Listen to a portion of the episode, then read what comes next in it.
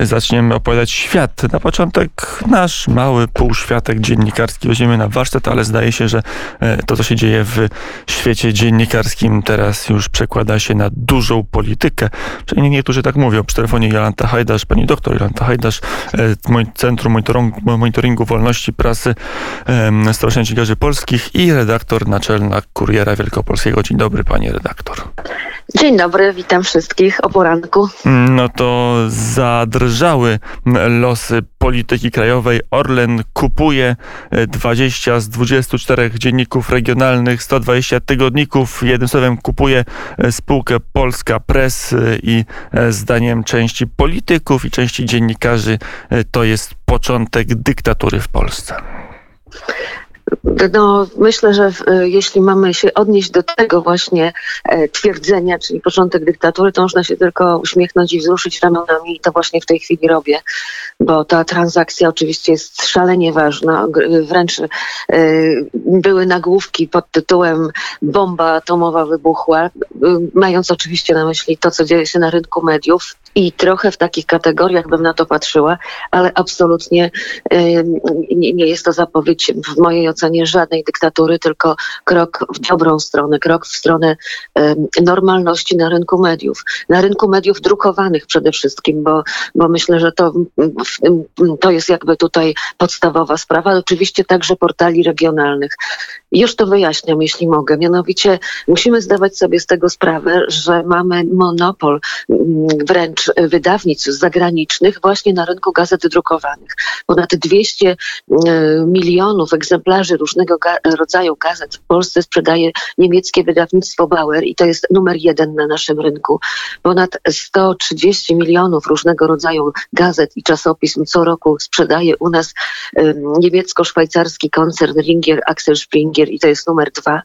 I, po, I ponad 100 milionów różnego rodzaju gazet regionalnych i lokalnych wydawał do tej pory właśnie mm, koncern Polska Press, spółka Polska Press, której stuprocentowym właścicielem jest niemiecki koncern Verlags Gruppe Passau. I to jest ta patologia. No po prostu, gdzie mamy, wiadomo, że od lat 90. już budowany w ten sposób rynek ukształtował się w latach 2000, ale przecież z tym rynkiem gazet papierowych wiąże, się przede wszystkim internet, bo te gazety generowały portale internetowe, które dziś mają profesjonalne redakcje z wielomilionowymi rzeszami um, unikalnych użytkowników i to jest ta wartość, którą myślę nabył Orlen, e, ta wartość, czyli zajęć, zamiana tak, tego e, na tym podium, gdzie numerem 3 przestanie być wreszcie e, zagraniczne wydawnictwo, jakim jest właśnie Passauer, a będzie podmiot polski. Oczywiście pytania zawsze będziemy sobie stawiać, w jaki sposób ten, ten, to postawmy ten, to właścicielski pytanie, będzie jeśli, tak? jeśli mogę, bo mówiono o repolonizacji na wzór francuski, czyli repolonizacji mediów poprzez ustawę, która by określała, jaki procent y, kapitału obcego może y, być włączony w polski rynek medialny. Y, takiej ustawy jak nie było, tak nie ma. Przynajmniej uchwalonej, może ona gdzieś jest w jakiejś szufladzie, w jakimś ministerstwie, no ale mamy repolonizację poprzez wykup przez spółkę Skarbu Państwa. Czy to jest optymalny model? Czy to jest rzeczywiście dobre, kiedy teraz spółki no de facto państwowe, zależne od rządu, będą będą wykupywać kapitał zagraniczny? Czy nie lepiej byłoby jednak zrobić ustawy? To znaczy, ustawy się nie udało i widzimy po um, ostatnich pięciu latach um, rządów um, dobrej zmiany, tak, czy rządów Zjednoczonej Prawicy, która w programie swoim miała repolonizację mediów, która miała dekoncentrację na rynku mediów. Widzimy, że nic nie udało się w tej sprawie zrobić, mimo naprawdę e, wielu deklaracji i podejmowanych prób. Zawsze barierą były przepisy Unii Europejskiej, które wskazywały na problemy z tym związane dotyczące właśnie jakichkolwiek zmian, bo wszelkie pra e, prace, które toczyły się w parlamencie, w Sejmie, brałam jako przedstawiciel Stowarzyszenia Dziennikarzy Polskich w nich udział, to właśnie jakby na tym się kończyły, że ta ustawa nie będzie mogła być po prostu notyfikowana w Brukseli i wobec tego w tym kształcie nie może mieć miejsca. Dyskusja, czy to na pewno by się stało, czy też nie jest dzisiaj retoryczną, bo tego po prostu nie zrobiono. Ale więc jakby ten ruch, który wykonano jest w mojej ocenie jedynym pragmatycznym, jakąkolwiek realną próbą zmiany na tym rynku. Bardzo ważną na rynku gazet regionalnych, bo to chcę podkreślić, że media po prostu regionalne, czyli te, które nadają na obszarach trochę większych niż województwa, ale mniejszych niż cały kraj, to właściwie w tym, w, te, w, tym, w tej burzy transformacji ustrojowej naszej po prostu zniknęły wręcz z rynku, bo nie miejmy złudzeń, że dzisiejszy Głos Wielkopolski, Dziennik Zachodni, Gazeta Krakowska i tak dalej, i tak dalej, to są te same media, które znamy, do których się kiedyś przyzwyczailiśmy, że to są te gazety. One dzisiaj są taką swoją własną, bym powiedziała, karykaturą. Dwie, trzy strony redagowane w, lokalnie i reszta to jest po prostu tak zwany wsad centralny. One się między sobą nie różnią, odgrywają marginalną wręcz rolę y, w życiu publicznym swoich regionów, no bo nie mają żadnej samodzielności y, po prostu ani redaktorzy naczelni, ani dziennikarze, jeśli chodzi o inicjowanie jakichś takich akcji społecznych, o, o potraktowanie czegoś szerzej, jako, jako po prostu płaszczyznę do, do dyskusji publicznej, to, to, to są po prostu, to miały być takie maszynki do zarabiania pieniędzy, no bo te akurat gazety miały niesamowicie rozbudowane działy ogłoszeń, najwcześniej po prostu z wszystkich polskich mediów i, i to jakby przetrwało i po prostu tutaj no zawsze, nie wiem, nekrolog w Poznaniu, gdzie mieszkam, um, zamieszcza się w Głosie Wielkopolskim, bo te nekrologi są tam czytane. To taki drobiazg może, ale właśnie pokazuje to myślenie. Ale ja chciałam to jeszcze wskazać to, na jedno, panie redaktorze, niebezpieczeństwo właśnie y, jak wygląda treść tego typu gazet. Ja sobie wynotowałam, jeśli mogę kontynuować. Bardzo proszę tytuły z właśnie gazet koncernu Polska Presę na temat 500. I, i jaki, jaki to był przekaz? Co dalej z programem 500? 500 plus mm, e, od marca tym razem otrzymują je hodowcy świń i krów. 500 plus bezwarunkowe świadczenia skazują ludzi na najgorszy rodzaj biedy. Stracisz 500 plus, ministerstwo uszczelnia program. 500 plus z roku na rok traci na wartości. Ile do tej pory kosztował program 500 plus? To są tytuły i publikacje na temat jednego z najlepszych programów, jaki y, socjalnych, który w Polsce prowadzono.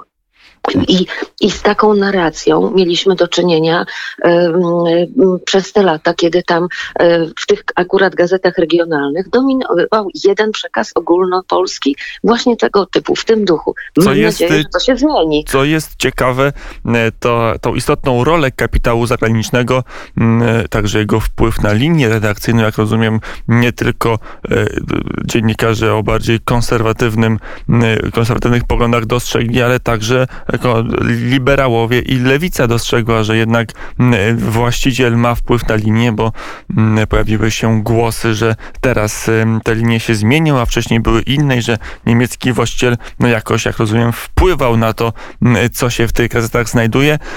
Na ile te linie powinny się zmienić i na ile jest niebezpieczeństwo, że Orlen, wielki koncern, e, gdzie no, do tej pory nie zajmował się prasą de facto, jaki może mieć wpływ na, i na sytuację pracowników, i na ich wolność tworzenia? Jasne, że właściciel będzie miał bardzo ważną rolę i będzie miał wielki wpływ na to, co jest zamieszczane, e, w jaki sposób sprawowany jest ten mandat właścicielski, bo tak jest we wszystkich mediach.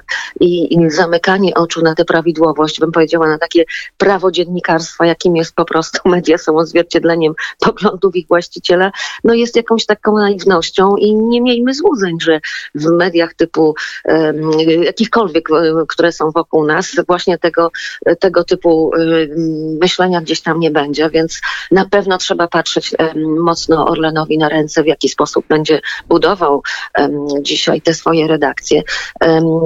Ale moim zdaniem, i mówię tutaj jako także wiceprezes Stowarzyszenia Dziennikarzy Polskich, które późnym, e, które dziś już jednoznacznie zabrało głos w sprawie właśnie tej transakcji, przyjmując ją z nadzieją. Całe nasze duże oświadczenie jest już na stronie SDP.pl, więc każdy może się z nim zapoznać, ale generalnie właśnie jest reakcja stowarzyszenia pozytywna. Myśmy już ponad pięć lat temu, na, jeszcze przed rządami dobrej zmiany, wskazywali na naprawdę upadek mediów regionalnych, na problem z tym związany, jakim jest taki zanik debaty publicznej w regionach i wyrażaliśmy wówczas, apelowaliśmy, by podjąć działania, by ratować te media regionalne i e, w naszej ocenie właśnie to się w tej chwili dzieje. Pani redaktor, to już proszę na, na koniec o krótką odpowiedź, bo też się dzieje ciekawie w, w przestrzeni radiowej do no, konkurencyjnego Radia Z wchodzą edukatorzy e, z ramienia LGBTQI+, i, i coś tam pewnie jeszcze by się znalazło, którzy będą teraz edukować dziennikarzy tej stacji, jak rozmawiać o osobach niebinarnych. To wszystko pokłosie wywiadu pani redaktor Lubeckiej z Michałem Esz. Co się dzieje z polską wolnością prasy? Na ile e, tego typu działania właściciela tego radia są groźne dla wolności dziennikarskiej? Y, są kuriozalne i naprawdę w tym konkretnym medium bardzo groźne, bo y, prawda, chodzi o wywiad z Michałem Esz, czyli słynną, słynnym Margot, tak, y, gdzie po prostu jakby to ma znaczenie takie bardzo ważne, dlatego że dziennikarz przeprowadził rozmowę tak jak umiał najlepiej, umiał. I zresztą naprawdę trudno zrozumieć tutaj, dlaczego miałoby być odbyć się szkolenie, to znaczy chyba, że chce się indoktrynować po prostu najpierw dziennikarzy, a w ślad za tym e, odbiorców, jak mają e, odnosić się po prostu do tego konkretnego problemu, gdzie jakakolwiek krytyka płynąca w stronę ideologii LGBT jest piętnowana jako naruszenie jakich, e, wszelkich fundamentalnych praw człowieka i obywatela i, i inaczej nie można, tak? No to tutaj na to zgody naszej nie ma, bo jak można przedstawiać jakieś zjawisko w negatywnym świetle, jeśli ma się o nim takie zdanie, nie używając słów krytycznych. Zresztą nawet to tutaj w tej wywiadzie mm, tego typu e, stwierdzeń nie było, więc jest to absolutnie kuriozalna sytuacja, tego typu szkolenie, o którym Pan mówi. Jasne, że z wolnością słowa ma niewiele wspólnego, bo tego typu szkolenia będą służyć tłumieniu wolności słowa, ale jakimś wielkim zagrożeniem w mojej ocenie na tym, co się dzieje na rynku mediów w Polsce, to nie jest. Znaczy, nie, nie, byłoby, gdyby było powielane przez te inne media, ale są media, które po prostu takich szkoleń nie prowadzą i w których można y, rzeczy takie jak ideologia LGBT nazywać po imieniu, więc myślę, że sobie, że ta nasza wolność słowa mimo takich szkoleń w Radio Z się obroni. E, powiedziała dr Jolanta Hajdasz, Stowarzyszenie Dziennikarzy Polskich. Bardzo serdecznie dziękuję za rozmowę. Również dziękuję. Wszystkim życzę dobrego dnia. Mm, I my również dziękujemy. 7.29 e, na zegarach. To za chwilę kolejna rozmowa, ale zanim to nastąpi, to teraz na antenie Adam Struk.